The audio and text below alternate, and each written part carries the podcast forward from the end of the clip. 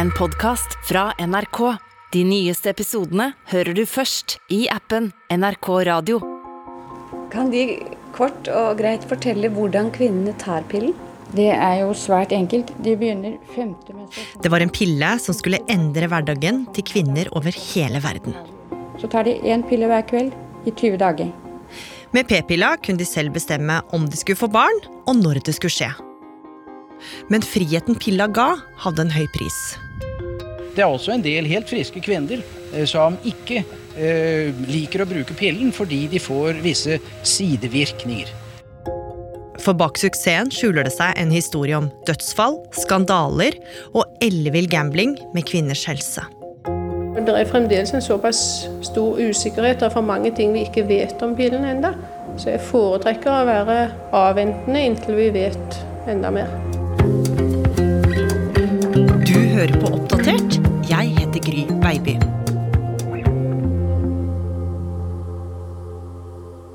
P-pillen lot kvinner ta kontroll over sin egen fruktbarhet, og det bidro til en revolusjon i kvinners liv og i familien og i hele samfunnet.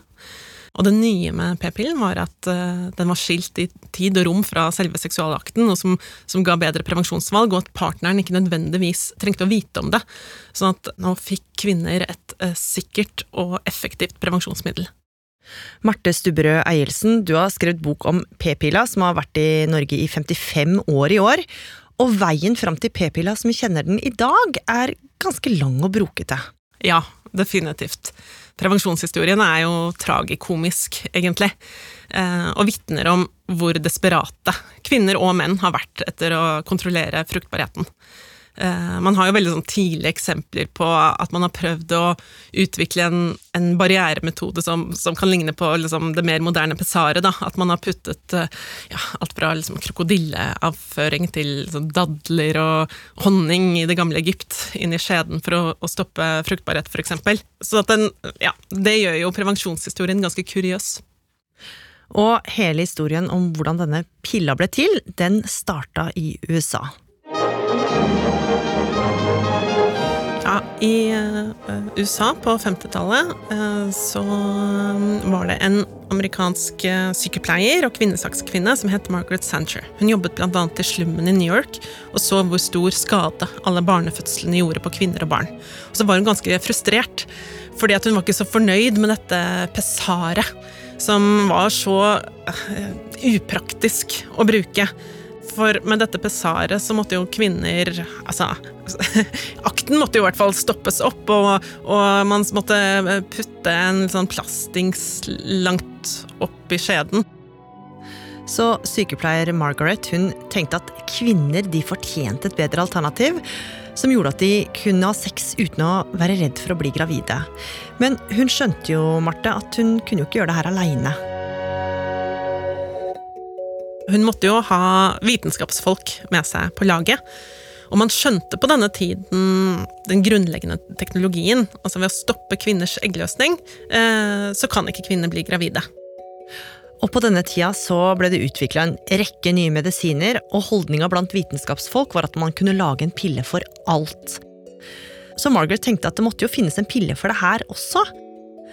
Men det å skulle prøve å lage en sånn pille, det var kontroversielt, og i tillegg så kunne man risikere å få fengselsstraff fordi prevensjon i seg selv var forbudt i flere delstater.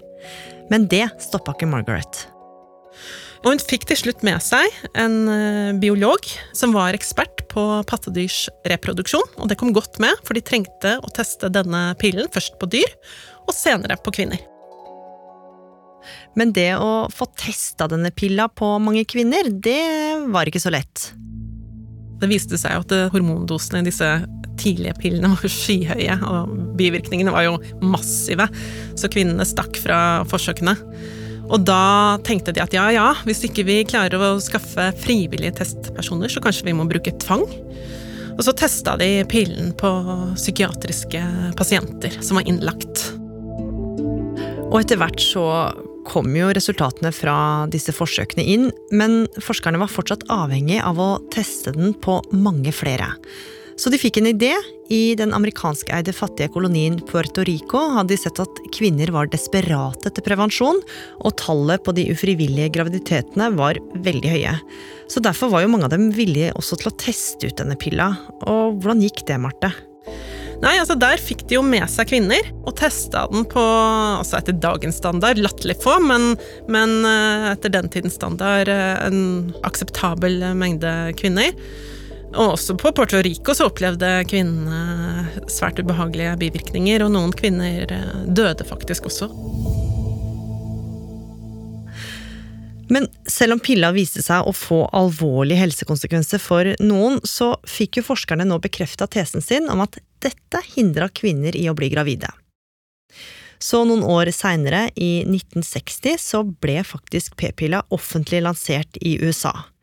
Og med det skulle Margarets store drøm bli virkelig. For det her var jo et enormt gjennombrudd og en svært etterlengta oppfinnelse, og den skulle virkelig endre amerikanske kvinners liv. Nå kunne mange kvinner skaffe seg pilla som gjorde at de selv kunne styre når de skulle bli gravide, og om de ville bli gravide. Ja, p-pillen ble veldig populær de første årene i eh, USA.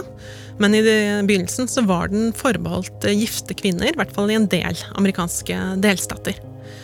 Og ektemannen måtte da skrive under på et eh, samtykkeskjema for at kvinnen kunne få resept på p-pillen. Men optimismen skulle brått snu, for det begynte stadig å komme små drypp om noe svært urovekkende. For flere av kvinnene som tok denne pilla, de fikk alvorlige bivirkninger. Flere meldte om smerter og hevelser i beina, mens andre opplevde alvorlige pustevansker. Og flere ble innlagt på sykehus med plagene, der legene konstaterte blodpropp. Og etter hvert så begynte de å mistenke at det var en sammenheng med p-pillebruken.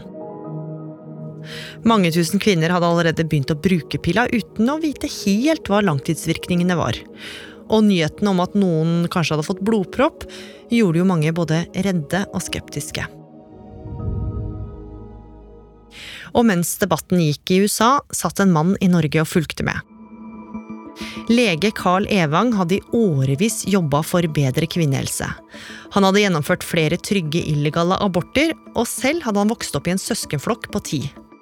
På dette tidspunktet, altså starten av 60-tallet, så hadde han vært helsedirektør i over to tiår og brant for å opplyse om seksualitet og prevensjonsveiledning. Og på denne tiden så, så måtte kvinner gå til eh, kvakksalvere ofte, og det var jo farlig, sant. Så han så at, at vi trenger eh, trygg abort, og vi trenger sikker prevensjon.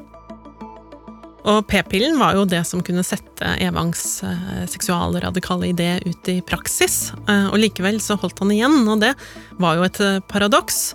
Men Evang var fryktelig redd for bivirkningene, og syns ikke at forskningen ga ham gode nok svar. Så han ventet på forskernes mer entydige resultater. Og mens Carl Evang venta, så kunne han se at til tross for at debatten om bivirkningene pågikk, så godkjente land etter land i Europa den. Ja.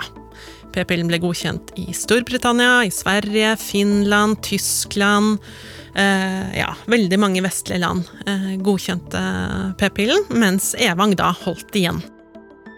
Og mange i Norge begynte nå å spørre seg om hvorfor ikke vi også tok i bruk denne pilla som på mange måter frigjorde kvinnen. Men selv om Norge lå langt etter pga. Evang, så skulle det vise seg at det ikke var så dumt. For nå skjedde det noe som skulle snu hele legemiddeloptimismen og troa på at piller og medisiner kunne løse ethvert problem. Nemlig en stor krise i legemiddelutviklinga. Concern over the tragic effects of the new sedative thalidomide prompts President Kennedy at his press conference to call for stronger, better administered drug laws. Talaidomid var et sovemiddel som ble sett på som så fritt for bivirkninger at selv gravide kunne ta det. Og tusenvis av gravide kvinner gjorde nettopp det, fordi talaidomid også fungerte mot svangerskapskvalme. Men etter en stund ble det klart at legemiddelet hadde grusomme bivirkninger. Mange barn ble født med forferdelige misdannelser, og veldig mange kvinner aborterte. I USA gikk president John F. Kennedy ut og ba alle amerikanere om å unngå legemiddelet. Most important that they check their medicine cabinet and that they uh, do not uh, t- that they do not take this drug, that they turn it in. Og da skjønte Carl Evang og legemiddelmyndigheter i mange land at vi må ha en mye strengere legemiddelkontroll. Og det her var et enormt tilbakeslag for pillas rykte og Evangs lyst på å få den inn i landet. Men samtidig så begynte forskningsrapportene om p-pilla som Evang hadde venta på, å komme inn med stadig flere resultater. P-pilla var jo fortsatt i en rivende utvikling, og produsentene justerte ofte hormondosene for å minke faren for bivirkninger. Og det ble også fulgt nøye med på langtidsvirkningene av pilla, og forskerne gjorde særlig ett interessant funn knytta til blodpropprisikoen. Og vi skal ikke glemme at svangerskap og fødsel uh, gir en atskillig større risiko for blodpropp enn selv de mest østrogenrike p-piller gir. Og det ble på en måte argumentet som eh, ble avgjørende. Så etter flere år med vurderinger var endelig Evang overbevist om at denne pilla var trygg nok, og han ga dermed tommel opp til at den kunne gis ut på det norske markedet. Så fra 1967 kunne norske kvinner kjøpe pilla og selv velge når de ville ha barn. Men mottagelsen den var jo ikke helt som Evang hadde trodd, Marte. Det som overrasket Karl Evang, var at norske kvinner var ganske skeptiske. P-pillen ble jo godkjent såpass seint i Norge, så det hadde jo allerede vært eh, mye medieoppmerksomhet internasjonalt om, eh, om eh, p-pillens negative sider. Og i Norge hadde det også vært mye medieoppmerksomhet om dette. Sånn at norske kvinner var skeptiske, og de holdt seg til prevensjon uten hormoner, som ikke da ga bivirkninger. Og helsedirektør Evang måtte stadig svare på spørsmål om disse bivirkningene. Er det grunn til å fraråde dem å fortsette med dette, eller å advare andre fra å begynne å bruke denne form for prevensjon? Flertallet av norske sakkyndige som vi er i stadig kontakt med, tar det standpunkt at eh, de ikke finner det riktig på det nåværende tidspunkt å gi noen alminnelig advarsel. Og spørsmålene om blodpropp stilna ikke. Hvis det er mange kvinner som bruker uh, pillen, vil det blant de som bruker dem, helt naturlig komme tilfeller av uh, blodpropp. Så mange norske kvinner var lenge skeptiske. Legemiddelindustrien måtte ta grep igjen og justere dosene. Og p-pillen ble gradvis lavere dosert, men hadde fremdeles bivirkninger. Og de viktigste alvorlige bivirkningene var i tillegg til blodpropp eh, risiko for slag, hjerteinfarkt, brystkreft og livmorhalskreft. Men så var det i tillegg en del rapportering på mer eh, ufarlige bivirkninger, som nedsatt sexlyst og humørforandringer.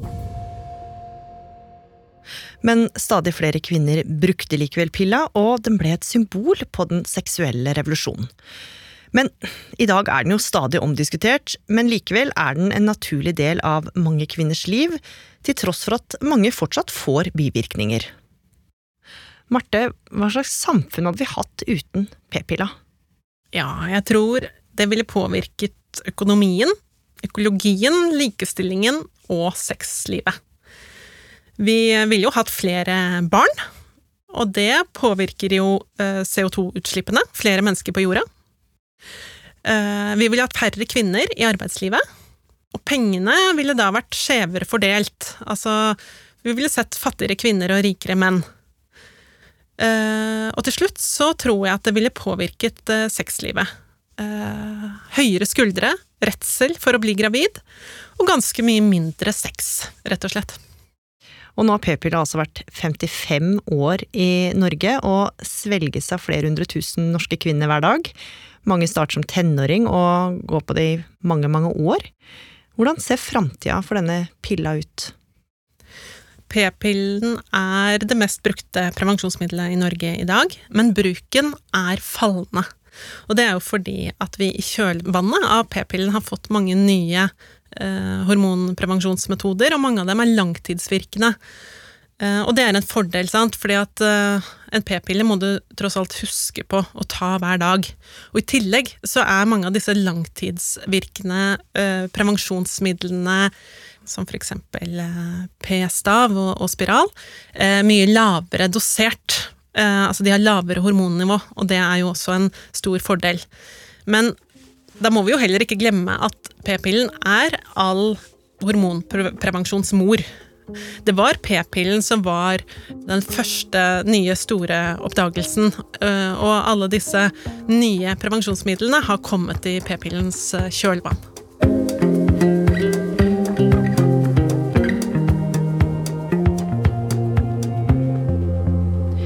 Oppdatert er en podkast fra NRK Nyheter, og denne episoden den var laga av Hanna Kolås. Espen Bjørlo Mellem. og meg, Gry Veiby. Programredaktør er Knut Magnus Berge. Klippene du har hørt, er fra British Patay og NRK. Har du tips eller innspill, så må du gjerne sende oss en e-post på oppdatert krøllalfa nrk.no. Og du, hvis du liker det du hører, så blir vi veldig glad om du tipser en venn om oss. Du har hørt en podkast fra NRK. De nyeste episodene hører du først i appen NRK Radio.